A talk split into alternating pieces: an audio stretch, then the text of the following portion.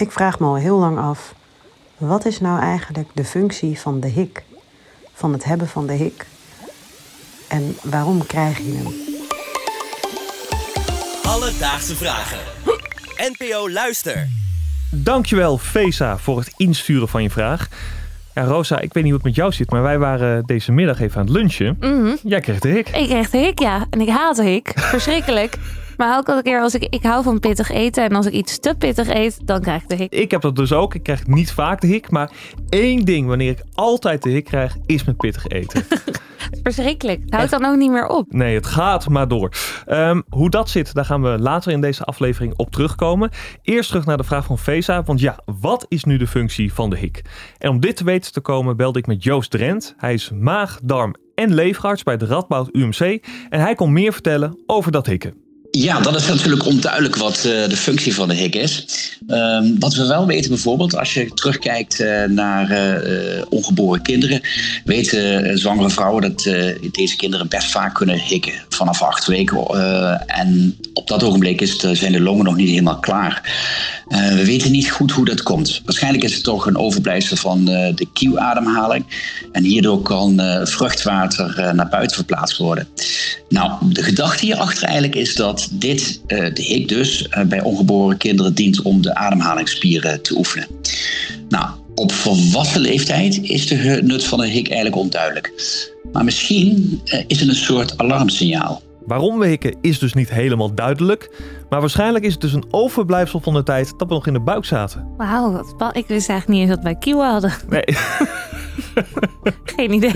Ik wist überhaupt niet dat uh, de hik konden hebben. Ik ook niet. Ik wist ook niet dat je dat kon voelen. Nee. dat wordt nog wat. Ja, bereid je me voor, ja. Rosa. Nou ja, Joost noemde ook dat het dus een waarschuwingssysteem is als je volwassen bent. En dat komt omdat de hik vaak optreedt bij omstandigheden als dat je te veel hebt gegeten of mm te snel hebt gegeten. Maar ook bij sommige mensen als ze te veel alcohol hebben gedronken. Of zoals bij ons, als we te scherp hebben gegeten. Precies. Nou, ik vroeg aan Joost, hoe zit dat dan? Nou, dan moeten we even terug hoe de hik nou daadwerkelijk ontstaan. Uh, er zijn allerlei gevoelszenuwen langs de slokdarm en de maag. En die uh, glijden toen naar de hersenen. Dat is een soort verwerkingseenheid voor, uh, voor de hik. En daaruit, vanuit de hersenen, worden bewegingszenuwen uitgestuurd naar het middenrif en tussenribspieren. Nou, de gedachte is dat als je die gevoelszenuwen langs slokdarm en maag prikkelt, dat dan de hik kan ontstaan.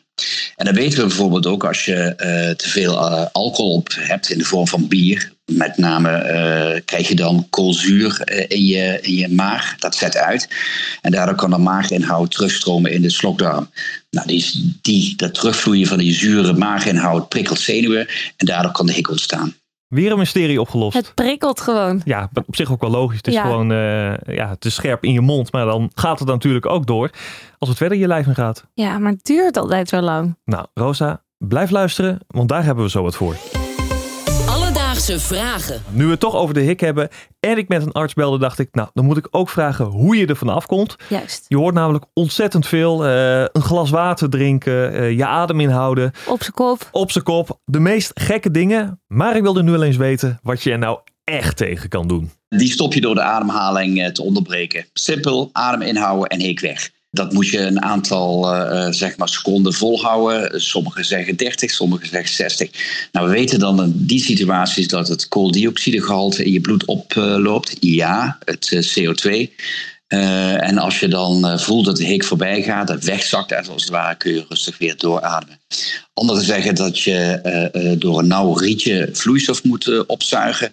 En dat hebben ze echt daadwerkelijk in een onderzoek goed nagekeken. En dat helpt bij 92% van de mensen die de hik hebben. Jij keek net een beetje moeilijk toen hij die theorie vertelde dat je je adem moet inhouden. Ja, klopt. Ik heb het heel vaak geprobeerd. En dan zit ik, heb ik een, een minuut mijn adem ingehouden. En dan heb ik het nog steeds. Dus ik was sceptisch. Maar hierover. blijkbaar is dit wel dé methode om Ja. van een hik af te komen. En of een rietje dus. Ja, 92%, dat is heel veel. Dat is heel veel. Misschien eh, val je meer onder die categorie. dus, Vesa, om antwoord te geven op je vraag: wat is de functie van de hik?